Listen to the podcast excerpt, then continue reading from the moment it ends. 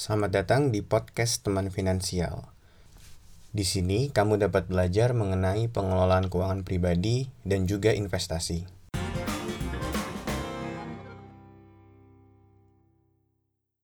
Halo semuanya, ketemu lagi sama aku di podcast Teman Finansial. Pada podcast kali ini, aku akan memberikan penjelasan gimana sih sebetulnya cara orang-orang menganalisa dan akhirnya membeli suatu saham mungkin buat kamu yang udah sering mengikuti influencer-influencer saham itu melihat mereka menjelaskan berbagai macam metode yang mereka gunakan untuk menganalisa saham. Kamu ketika melihatnya bisa jadi melihat itu sebagai suatu hal yang rumit dan sulit. Tapi sebetulnya analisa saham ini secara garis besar itu cuma dibagi menjadi dua jenis yaitu analisis fundamental dan juga analisis teknikal. Nah, coba aku bahas yang pertama dulu ya. Jadi, yang pertama mau aku bahas ini adalah analisis fundamental. Goal dari analisis fundamental ini sebetulnya adalah melihat apakah suatu perusahaan ini performanya cukup bagus sehingga layak untuk diinvestasikan dalam jangka waktu yang cukup panjang. Jadi hal-hal yang akan dilihat dengan analisis fundamental ini sebetulnya simpel banget. Analoginya misalkan kalau kamu melihat suatu usaha tempat makan nih ya misalkan. Nah, analisis fundamentalnya akan melihat apakah si tempat makan tadi itu memiliki pemasukan yang cukup bagus dan apakah pemasukan itu bisa dikonversi menjadi keuntungan atau profit. Kemudian dilihat juga nih dari kegiatan usahanya itu apakah si tempat makan tadi memiliki uang kas yang cukup. Maksudnya gini, kalau misalkan banyak orang yang makan di tempat makan itu banyaknya itu ngutang bayarnya, nah maka mungkin secara penjualan kelihatan si tempat makan itu untung gitu ya. Jadi karena banyak yang beli, terus habis itu kita bisa melihat ada penjualan.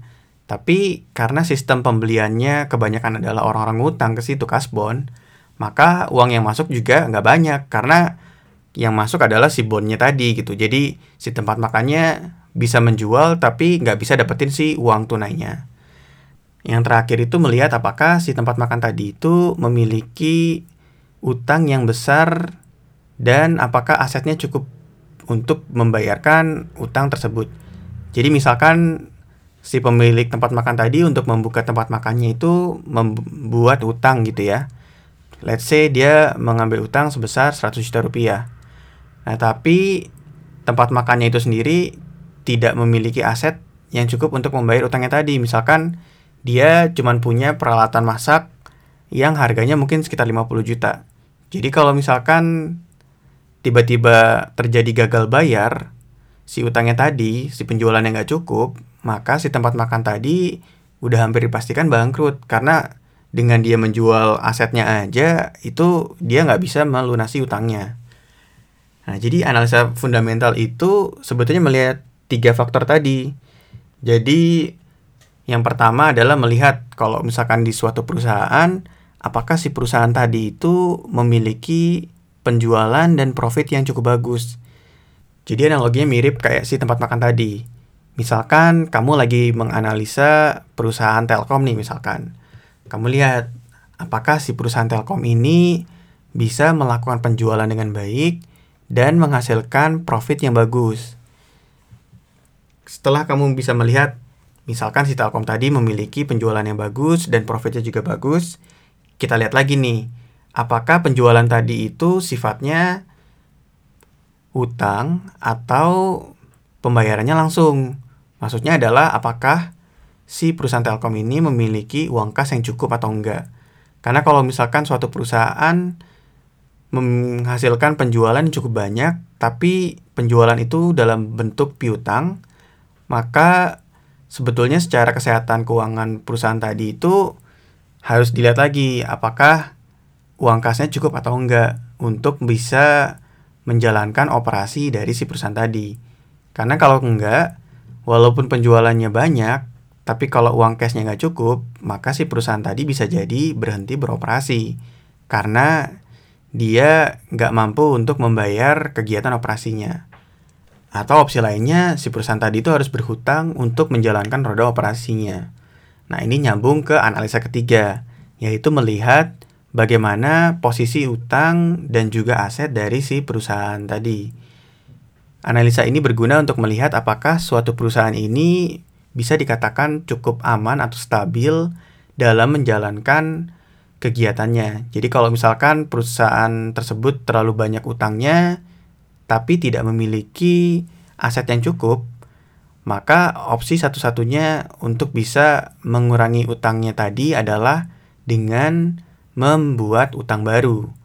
Sehingga si perusahaan tadi itu lebih rentan untuk kolaps karena dia nggak bisa membayarkan utangnya sendiri dengan menggunakan aset yang dimiliki. Nah, analisa berikutnya yang biasanya dilakukan oleh orang-orang yang berinvestasi saham itu adalah analisa teknikal. Nah, analisa teknikal ini biasanya digunakan oleh orang-orang yang tujuan utamanya adalah melakukan trading di bursa saham. Tujuan dari analisa teknikal ini adalah untuk melihat apakah pada saat seorang akan melakukan trading saham itu merupakan waktu yang tepat untuk masuk atau ketika orang yang ingin melakukan penjualan saham ketika aktivitas tradingnya itu merupakan waktu yang tepat untuk melakukan jual. Jadi basically yang dilakukan oleh analisa teknikal ini adalah untuk melihat kapan waktu yang tepat atau kapan harga yang bagus untuk membeli suatu saham dan kapan harga yang bagus untuk menjual suatu saham.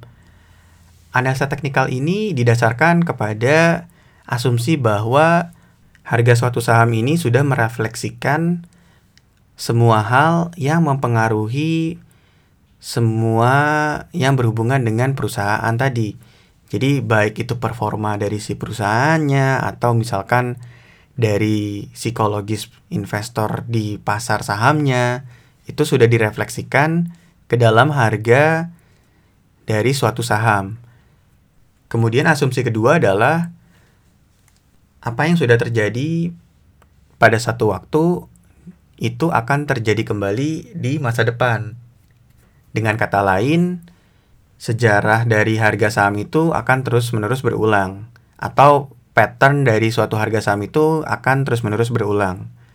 Contohnya nih misalkan kalau suatu saham itu dia cenderung untuk kembali naik ketika turun dan menyentuh harga di 6000 maka pola ini akan ditangkap oleh analisa teknikal dan memberikan sinyal kepada seorang trader untuk masuk atau membeli saham ketika harganya berada di harga 6000. Nah, harga 6000 ini biasa disebut dalam analisa teknikal sebagai harga support atau harga di mana ketika menyentuh harga tersebut, maka suatu saham itu akan bergerak untuk naik. Kemudian, kalau misalkan ada pola lainnya nih, ketika harga saham tadi itu menyentuh di harga 10.000, maka kecenderungannya adalah saham tersebut harganya akan turun. Ketika pola itu terus-menerus berulang, maka analisa teknikal akan bisa menangkap bahwa kalau misalkan harganya sudah mencapai di sekitar 10.000, maka itu adalah sinyal dari seorang trader untuk menjual saham yang dia miliki. Nah, harga 10.000 tadi yang mengindikasikan kecenderungan suatu saham itu untuk turun disebut sebagai harga resisten dari suatu saham.